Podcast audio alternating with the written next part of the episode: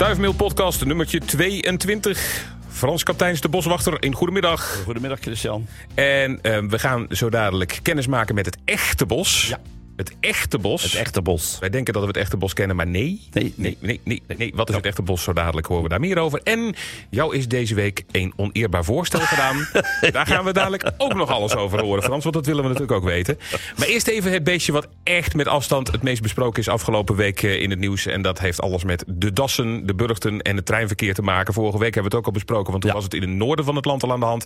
Ja, en nu bij S is het ook weer de trammeland. Want vanwege de dassen ligt het treinverkeer dagenlang stil. Jij zei vorige week al, Ja. dit was te voorkomen. En dat zeg je nu weer, maar nu Ja. over onze eigen provincie dus. Ja, precies. Kijk, eh, ze ze houden toezicht, hè, ProRail. Dat doen ze, want ze willen die lijn zo veilig mogelijk houden. En die, die sporen kijken ze dus na. En ze vergeten het na te kijken, de sporen dan die ook op hun dijken afkomen. Want die eh, spoorlijnen liggen vaak in wat hogere dijken. En ja, ik denk dat toch iedereen onderhand wel weet in Nederland dat we dassen hebben die in burchten wonen. En beschermd zijn, En hè? beschermd zijn. En dat betekent dus, eh, als je een, een, een, één gaatje ziet, wat een, een, een dassengat kan zijn, hoef je maar de, de dassenwerkgroep te bellen. Dan, zeggen, dan kunnen ze dat meteen bevestigen. En dan kun je die das meteen weghalen. En dan hoef je niet de trein, eh, zeg maar, spoorrails en alles weken stil te leggen, zodat passagiers de klos zijn. Ja. Want dat is al zo zonde. Dus ik denk bij mezelf, dit hadden ze allemaal kunnen voorkomen. door eerder zeg maar, zich melding te maken aan zichzelf. En van daaruit dan een traject in te gaan. Ik zou zeggen, ga eerst naar een Dassen werkgroep toe. Die mensen weten er alles van. Die kunnen je helpen. En dan heb je het snel eh, zeg maar, opgelost. Maar ik ben bang dat het nog wel een keertje gebeurt. Als ik het zo hoor, als het, hoe het nu in Friesland gegaan is en nou bij ons. Ja, dat zou zomaar kunnen. Maar goed, ik denk dat nu de ProRail toch wel twee keer aan de steen gestoten heeft. De derde keer zullen ze die steen toch wel ver weg trappen. En toch beginnen te, te aan, aan, aan, aan de bel te trekken bij dassenwerkgroepen. Of bij Das en Boom. In ieder geval officieel professionele mensen die hun daadwerkelijk kunnen helpen. Van de dassen naar wat kleinere diertjes. Want het zijn veel kleine diertjes die jij op jouw lijstje hebt staan. Dus eh, waar, waar gaan we, hoe, hoe klein in dit geval? Deze is, eh, deze is dus a- een- ja, 18 millimeter, we zeggen anderhalve centimeter. Zo. Het is het beestje van, eh, van de week bij ons geweest. Ja. Hè? En het is de junikever. De De junikever. En eh, ondanks dat het maart is, is toch de junikever al het diertje van de week. Waarom? Precies. Nou, in principe komen ze uit in, eh, in, in juni. En de meikever komt uit in mei. Vandaar Alleen waarschijnlijk is die verstoord geweest bij, eh, bij de mensen waar hij was, bij Mirjam de Bakker. En dat hij vandaar op haar vensterbank is gekomen. Oh. Eh, want die beestjes eh, doen ook een winterslaapje. Eh, net als de, de, de meikevers, die, die, of de, sorry, de, de, de lieveheersbeestjes. Ja. Eh, ja, en weet je, eh, het kan ook zomaar zijn dat het een, een, een oud exemplaar is wat, is, eh, wat is overleven, wat de kans heeft gehad om te overleven. En dan kan hij ook dus nog een keer op zo'n vensterbank terechtkomen. Staat ook niet precies bij, bij, bij Mirjam wanneer ze dat diertje gezien heeft. Eh, maar goed, ik denk dat ze dus op dit moment gezien heeft eh, wanneer ze de melding maakt. Juist, drie En- maanden te vroeg. Je kunt trouwens de foto even bekijken bij het artikeltje. De link staat in de beschrijving van deze Ja, podcast. precies. Eh, goed, nou, die junikever. We kennen de meikever. Ja, die is bekender. En heel veel mensen denken dan dat die kleinere uitgave, want de, de meikever is drie centimeter groot, dus die is behoorlijk groter. Mhm. dat dat een jonge eh meikever is dan. Maar dat is helemaal niet waar. Het zijn aparte, aparte zeg maar, kevers die wel de, op dezelfde manier leven als alle bladsprietkevers. En bladsprietkevers hebben deze bezige naam gekregen omdat hun voelsprieten een beetje op een blad lijken. Ah, en, en vandaar dat ze die naam bladsprietkevers hebben gekregen. Eh, nou, wie vallen daaronder? Ja, dan inderdaad de meikever, de junikever, maar ook de julikever, die bestaat Die ook. bestaat ook, heeft elke maand zijn eigen kever. ook? Nou nee, alleen die drie maanden. Oké. Mei, juni, juli. Dan houdt, het, dan houdt het op en dan krijgen ze andere namen. Bijvoorbeeld de neushoornkever, ook al vaker gehad in stuifmeel. Ja. De mestkever, ook al zo'n soort. Dat zijn dus kevers die allemaal die bladsprietkever zijn. En allemaal zeg maar eh, vrij grote kevers zijn tot, ja, tot wat kleinere. Want die rozenkever, dat is een vrij kleintje. Die is ongeveer, ongeveer 10, eh, eh, eh, 11, 11, 11 millimeter ongeveer. Dus dat, dat zijn dus allemaal kevertjes. En die hebben één nadeel voor de mens. Eh, en ja, ik vind het persoonlijk, als ze bij mij uitkomen, vind ik het schitterend. Maar die hebben een, een, uit een ei komt de engerling. En de engerling, als je dat eh, tegen veel mensen zegt, dan balen ze al meteen, want er gaat een gezonder aan. Want heel vaak zitten die en- engerlingen, die zitten in zo'n gazonnetje. En die vreten dus de wortels van grassen, maar ook van planten op. Nou, dan krijg je dus hele mooie bru- bruine vlekken in je gazon. Nou, dat wil je eigenlijk niet hebben. Tenminste, althans, dat vinden veel mensen dat je het niet wilt hebben.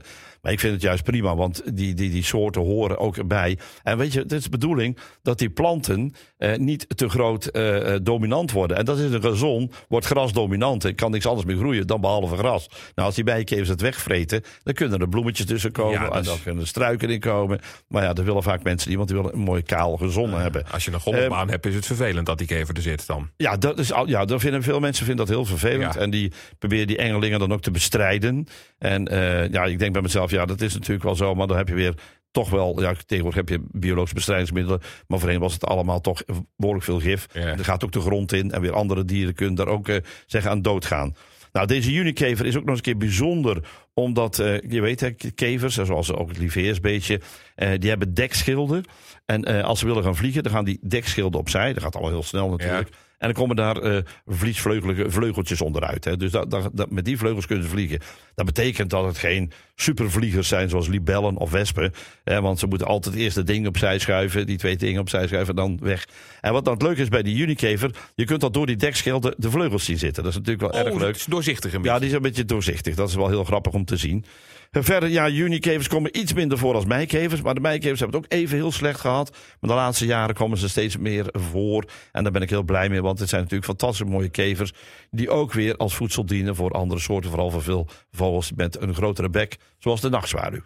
Juist. Maar als die, die junikever structureel steeds in maart al verschijnt, dan moeten we maar eens over die naam gaan nadenken. ja, ja, ja, wou ik net zeggen. Maar dat is nou het probleem. Eh, We, krijgen dus zeg maar steeds vroegere lentes. Ja. Dat betekent ook dat er steeds vroeger allerlei dieren uitkomen. Ik denk dat de, de meikever al een aprilkever genoemd kan worden. ja. Dus, eh, het, gaat, het, gaat, het gaat wat dat betreft zo na moeten veranderen. Maar het is met, met heel veel dingen in de boekjes die er nu staan. Want er staan nog steeds bepaalde planten aangekondigd in bepaalde periodes. Maar ze zijn al veel vlugger aanwezig. Bijvoorbeeld, eh, ja, als je kijkt naar, nou ja, noemen ze maar eentje. Het, eh, het wilgenroosje bijvoorbeeld. Of eh, we hebben nog andere soorten die inderdaad veel eerder aanwezig zijn. De spechten beginnen veel eerder aan hun nesten dan dat er gemeld staat in de boekjes. Dus we moeten dat betreft misschien over een jaar of vijf, zes eens een keer gaan nadenken. Of we een heleboel boekjes toch met andere data geven. En zeker andere maanden. Ja, Jacques P. Thijssen moeten we maar eens gaan herzien. Als die man terug op aarde komt, die weet niet wat hij ziet. Nee, nee, nee. Heel veel nou, die schaamt zich helemaal een ongeluk. Want als je ziet hoeveel natuur er al verkwanseld is. Ja, precies. Daar zullen we beter- verder niet over hebben. Nee, nee, precies. Het volgende diertje, groter of kleiner? Nou, die is heel kleiner. Nog kleiner. Nog, nog, nog kleiner. Die is Ja? maar drie millimeter groot. Het is een fantastisch mooi beestje als je naar kijkt. Hè. Onder een Eh, bioscoop? dan, Onder een Ja, nou ja, met een, met een, of, of een foto van maakt en die uitvergroot. dan Dan kan het ook, ja. Of, eh, nou ja, eh, in ieder geval een prachtig mooi beestje. Wat, eh, nou ja, de kleur alleen al, geel glanzend of groen van kleur. En wat vooral mooi is, is een drie zwarte, glanzende zwarte strepen op de bovenzijde van de borststuk. Dus echt maar, het is een insect, dus hij heeft een kop, borststuk en een achterlijf. Op dat Ja. borststuk, daar zitten die glanzende strepen. Dat is een fantastisch mooi beestje als je er eentje ziet. Dat dat, dan is het heel goed. Maar grasvliegjes, ja, dat is het probleem. Die komen met een heleboel tegelijk komen die uit, eh, ja, vooral zeg maar grassige omstandigheden. Dus eh, gazonnetjes, maar ook eh, wat verwilderde graslandjes. Daar komen ze allemaal uit. Hè, en dan gaan ze massaal een plekje zoeken om eh, te gaan eh, ja, schuilen. Mhm. En dat doen ze graag in flats en in hoge gebouwen, in appartementen. En daar vinden heel veel mensen vinden dat niet zo gezellig. Nee, want hè? Nee. Dat is een behoorlijke aanval. En eh, Els eh, Klinken, Klinkenberg, die had er ook al wel last mee. En die heeft mij die vraag gesteld. Wat moet ik nou doen om dat, zeg maar, die beetjes te weren? Ja, het allerbeste is gewoon zorgen dat er tocht is. Vliegen houden helemaal niet van tocht. Dus zet wat ramen tegenover elkaar open en dan komen ze niet naar binnen toe. Ehm, Nou, met en- dit weer zou ik het... ja, precies. met dit weer is het wat. Nou, met dit weer zullen ze ook niet vliegen. Want dan worden Nee, dat is waar. Die drie millimeter vliegers komen dan niet omhoog. maar ehm, het, het zijn hele, hele kleine beestjes. Dus die kunnen door elk gaatje wat je overlaat. Hè, je kunt wel mooie fijnmazige hor ko- kopen. En dan heb je heb, hè, voor het raam zetten. En dan komen ze ook niet binnen. Maar ja, ze, ze, ze kruipen ook via de dakpallen naar binnen toe. Ze kruipen via kleine gaatjes in de spouwmuur naar binnen toe. Want in die spouwmuur, daar willen ze eigenlijk gewoon, eh, zeg maar, hun eh, slaaptijd doorbrengen. Om het zo maar eens even te zeggen. Nou, dus de ramen openzetten, dat helpt heel goed. Stofzuigen bij de hand houden. Dat, dat werkt ook heel goed. En meteen opzuigen. Eh, laat ze niet liggen, want dan komt er, ja, dan verspreidt zich een enorme stankgeur. Dus dat moet je nooit doen. Als, als ze zeg maar, dood liggen ergens in een hoekje of je ontdekt dat, meteen opzuigen. Dat is het allerbeste. En ja, lukt dat allemaal niet, dat kan ik me ook wel heel goed voorstellen. Dan denk ik bij mezelf, ja, dan kun je het beste naar kenniscentrum voor dierplagen bellen. Uh, die mensen zijn daar dag, dagelijks mee bezig, bij wijze van spreken. Die kunnen je heel goed helpen. Welk middel je het beste kunt gebruiken. En ze raad natuurlijk altijd een biologisch middel aan. Om dat te gebruiken. Maar ook dat biologische middel heeft nadelen. Want daarmee dood je ook soms andere uh, zeg maar dieren. die je dan niet ziet. En die blijven dan in je huis liggen stinken. Dus het is nogal wat een beetje een probleem. Um, je kunt niet in de basis iets doen. Hè? Dus dat je zegt van nou, dan zorg maar dat er geen gras bestaat. Ja, dat is dus niet. Nee, dus dat nee. kan dus ook niet. Dus je moet toch iets uh, ondernemen om, om te gaan bestrijden. En uh, als je zo'n zo'n wolk op je af ziet komen, ja, dan, dan, dan zou ik zeggen, pak meteen die stofzuiger. We hebben tegenwoordig die hele sterke stilstofzuigers, die zuigen meteen alles op. En dan zijn ze ook kwijt. Dan Dus ben je er ook, dan ben je er ja. ook vanaf. Want ze komen echt altijd in zo'n grote groep. Ze komen meestal in een hele grote zwerm, komen ze tegelijkertijd op, Anders- allemaal. Anders was het ook geen probleem geweest. hè? Nee, precies. nee. precies. Ja, je hebt dat vaak met, dat, met vliegen. Ook die Maartse vlieg die er straks aankomt. Ja. Dat is ook van die... eh, Oh, die is er nog niet. Terwijl Die is maart- nog niet, Oh, die komt te laat. Die komt in juni Nee, ja, zeker die, dan. nee, ja, die komt misschien wel in maart, maar dan waarschijnlijk de tweede helft. of zo. nee, die Maartse vlieg ook, die komt ook massaal uit, die, die, die, uit de grond. En dan, eh, dat zijn eigenlijk een soort, ook een soort muggen. Ja. En dan is het de bedoeling dat ze gaan paren. Maar dat is ook massaal. En dan kun je wel eens af en toe een hele wolk van die zwarte vliegen zien. Nou, dan vind je het ook niet altijd prettig. En eigenlijk doen ze niks. Dus laat ze gewoon met rust, want dan heb je er ook geen, zelf geen last van. Ja, als je doorheen fietst, dan heb je wel eens een keer zo'n beetje in je mond. Dat is een beetje vervelend. Maar verder doen die Maartse vliegen ook niks. En deze grasvliegjes doen eigenlijk niks. Maar wat je net zelf al zei, massa is te veel. Dat, Ja. is te, dat is te veel.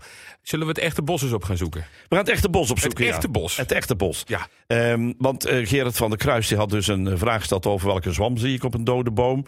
En eh, dat is dan een, een tonderzwam. En die komen dus de laatste tijden steeds meer voor, die echte tonderzwammen.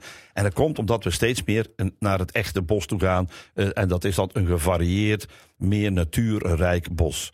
Wat wij vooral in Nederland hebben, ook zeker in Brabant, we hebben heel veel plantages gehad. Hè. Wij noemen dat dan zo niet meer. We- soms valt er het woord productiebos nog wel eens een keer bij een boswachter uit de mond. Ja. En dat is dan omdat er dus hout geteeld is om te gebruiken. En eh, bijvoorbeeld hier hebben wij heel veel mijnhout staan, zo, zo heet dat dan officieel. Eh, dat is de grove den, die is heel veel geplant hier. Maar de eerste plantage van, eh, van de, de grove dennenhout, dat was bij Breda in de 16e eeuw. Hebben ze toen al het masbos Ja, gemaakt. precies. precies. Bekende naam natuurlijk. En dat was ja. dus inderdaad puur om te zorgen dat er hout was een, eh, een middel om eh, zeg maar, geld te verdienen. Mhm. Maar het was ook een middel om zeg maar, te gebruiken. Je kon er huizen mee bouwen, boten mee bouwen, rails mee eh, aanleggen. Kortom, hout was heel erg nodig. Dus heel Brabant is volgestopt met hout. eh, wat allemaal geteeld werd voor eh, ergens te gebruiken. Eh, grove dennen op het laatst massaal, eh, omdat eh, de mijnindustrie ontstond in Limburg. En we hebben ook steenkoolmijnen. En die werden dan gebruikt in de lage stutten, waar dan als de druk te groot werd van de aarde die te boven lag, dat mijnhout begon te kraken. En dan konden de mijnwerkers op tijd vluchten, want anders stortte die gang toch heel gauw in. Maar goed, dat is dus geen echt bos. Dus je ziet dus ook eh, dat die bomen allemaal even hoog zijn, allemaal even lang zijn. En dat ze in veel Brabantse bossen die op zandgrond is, heb je dus zeg maar grove dennenhout staan, waar alleen maar een hoge kroon is. Verder is niet naar beneden toe. En als je een echte den wilt zien, een echte grove den wilt zien, dan moet je bijvoorbeeld op de hei gaan wandelen. En dan zie je een echte grove den, en die noemen mensen vaak vliegden. Maar dat is omdat die zaadjes daar naartoe zijn gevlogen. En dan zie je dat die den, die houdt zijn takken tot op de grond. Want die wil zijn hele stam ook beschermen. Maar omdat ze in concurrentie zijn gezet, worden die bomen naar boven toe gejaagd. En krijgen ze dus mooie rechte stammen, waardoor de mensen weer mooie palen eruit konden halen. Nou, die he- bossen hebben we allemaal nog. En eigenlijk zijn dat dus geen echte bossen, maar dan noemen we dat ook productiebossen. Juist. Langzaam wordt dat omgebouwd naar meer een natuurlijk bos, naar meer een echt bos. En wat is nou een echt bos? Een echt bos is als je een kroonlaag hebt, een struiklaag hebt, een plantenlaag hebt en een bodemlaag. Maar dat kriskras door elkaar. Niet echt in lagen, maar meer zo van, nou, hoge bomen daar, dan krijg je wat struiken staan, dan wat de lagere struiken, dan wat, eh, zeg maar, plantjes en dan een bodem die dan weer hoog is, dan weer laag is. Kortom, alles kriskras door elkaar. En als je voor zo'n bos staat, dan kun je er ook niet direct helemaal doorheen kijken. Bijvoorbeeld eh, veel grove dennenbossen, kijk je van het ene wandelpad naar het andere wandelpad. Nou, dat kan dan niet in een echt bos, want dan is alles mooi bezet. Dan is er evenwicht in de natuur. En dat is iets wat alle natuurbeschermingsorganisatie, Staatsbosbeheer, Brabants Landschap, Natuurmonumenten, de Bosgroep Zuid, die willen dat allemaal bereiken om meer echt bos te krijgen, zodat de biodiversiteit in onze bossen weer omhoog gaat. Juist. En dat krijg je niet door de natuur zijn gang te laten gaan. Dan moet je echt, laten we zeggen, zelf een beetje ingrijpen. Dan moeten we nu nog steeds ingrijpen, omdat de natuur niet zijn gang gaat. Ik noem het op dit moment, als je zo'n productiebos ziet, is gewoon oorlog. Want die, die bomen die vechten met elkaar om naar boven toe te komen. En degene die het verliezen, ja, die sterven af. Dus het is echt gewoon oorlog in de bossen als je een productiebos hebt. En dat is ook de bedoeling geweest altijd. Want die bomen werden zo dicht op elkaar gezet. Dat ze dus in feite uh, uh, elkaar verdringen om naar dat licht toe te gaan.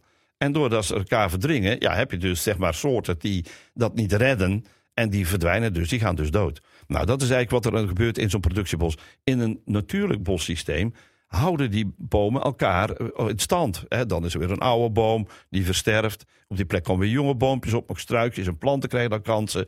En dieren hebben daar ook weer een nut bij. Want sommige dieren houden van open plekken, andere dieren houden van gesloten plekken. Spechten houden van oude bomen, kunnen ze in hakken. Kortom, dan krijg je een hele mooie kringloop waar alles bij elkaar hoort. Juist. En, en op hoeveel plekken in Brabant hebben we al zo'n echt bos? Is, dat al, is het al veel of, of nog... Niets. Nog helemaal niks. Nog. Nee, we hebben wel fracties. Ja. Er zijn bepaalde bossen waar je soms al ziet dat het een beetje natuurlijker aan het worden is. Ik weet dat in ieder geval bij de Oostenrijkse bossen zo is. Heb ik al vaker gezien. Ja. Bij de Geelders is dat zo. En de Geelders is een heel mooi bos op leemgrond. Uh, bij, uh, tussen Schijndel en Bokstel in. Daar zie je het ook heel goed. Daar begint het al wat natuurlijker te worden. Maar ook daar zie je nog bijvoorbeeld rabatten liggen. En rabatten zijn dus door mensen gemaakte opgehoogde heuveltjes. Waar ze bomen neerzetten. Zodat die bomen geen natte voeten kregen. Want aan beide zijden van het heuveltje is dan een sloot dat water afvoert. Dus daar zie je dat ook nog. Dus, maar het begint op sommige plekken beginnen uh, stukjes waarvan je zegt: oké, hier voelt al een beetje die natuurlijkheid aan. Maar wil je van een productiebos, hè, waar dus hout opgeteeld is, neergezet is naast elkaar en waar dus zeg maar later geoogst moet worden, wil je daar een meer gevarieerd natuurlijk echt bos van maken? Nou, 200, 250 jaar voordat het zover is. Ja, dat is, uh, daar wacht ik daar wacht, Nee, precies. daar hoeven wij niet op te wachten. Hè. Maar het komt. Het komt allemaal het goed uh, als, als we door blijven gaan zoals het gaat. En dat betekent er af en toe wel eens een, een zaag in een grove den of in een paar grove dennen gezet moet worden. En dat ziet er wel heel monsterlijk uit, want doen tegenwoordig grote machines. Ja. Maar die grote machines doen het in één keer heel veel. En dan zouden dus zeg maar vijf boswachters er gewoon een half jaar over moeten doen. En dat mag weer niet, want je hebt alleen maar tijd in de bossen te werken, om te zagen enzovoort, van ongeveer 15 augustus tot ongeveer 15 maart. En dan is het afgelopen weer, want dan begint het broedseizoen. Ja, en dan moet je, uh, met dan moet je er niet bij zijn, nee, want dan heb je al de vogels. Ja, precies. Ja, worden weer verstoord. Goed, het is in ieder geval goed werk. En de Brabanders uit het jaar uh, 2270 zijn ons dankbaar. ja, die zijn ons heel dankbaar als het zo doorgaat. Absoluut. Maar dat is goed, de kleinkinderen mogen ook wat hebben. Nou, dat is ook waar. Goed. Ja, als we het er over kleinkinderen hebben. Opa wordt wat ouder. Ja. Ja, morgen, 70 hè? Ja, 70 jaar. Ja. Frans. Nou, ik vind het fantastisch. Ik vind het zo'n mooie leeftijd. Ik bedoel, ik, ik, ik, ik vind het gewoon... Ik, ik geniet er ook van, hè. 70 is toch een, een, een mijlpaal die je weer hebt gehaald.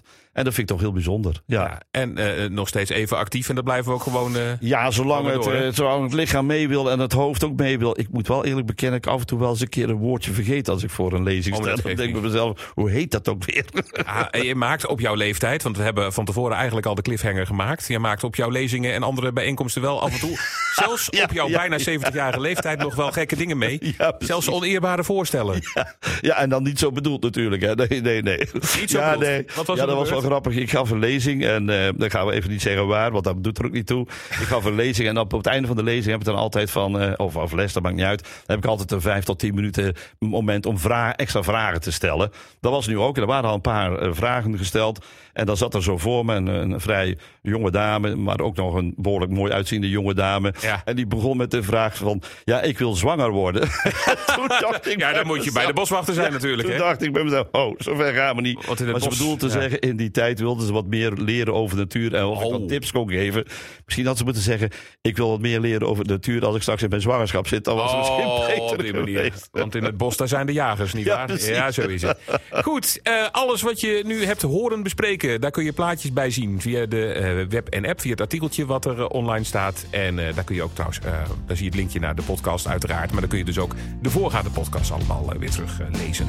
Frans, dank voor deze keer. Graag gedaan. Volgende week dan eh, Weer een kom, je, kom je hier als 70-jarige binnengestrompeld. Ja, precies, inderdaad. Tot dan. Tot dan.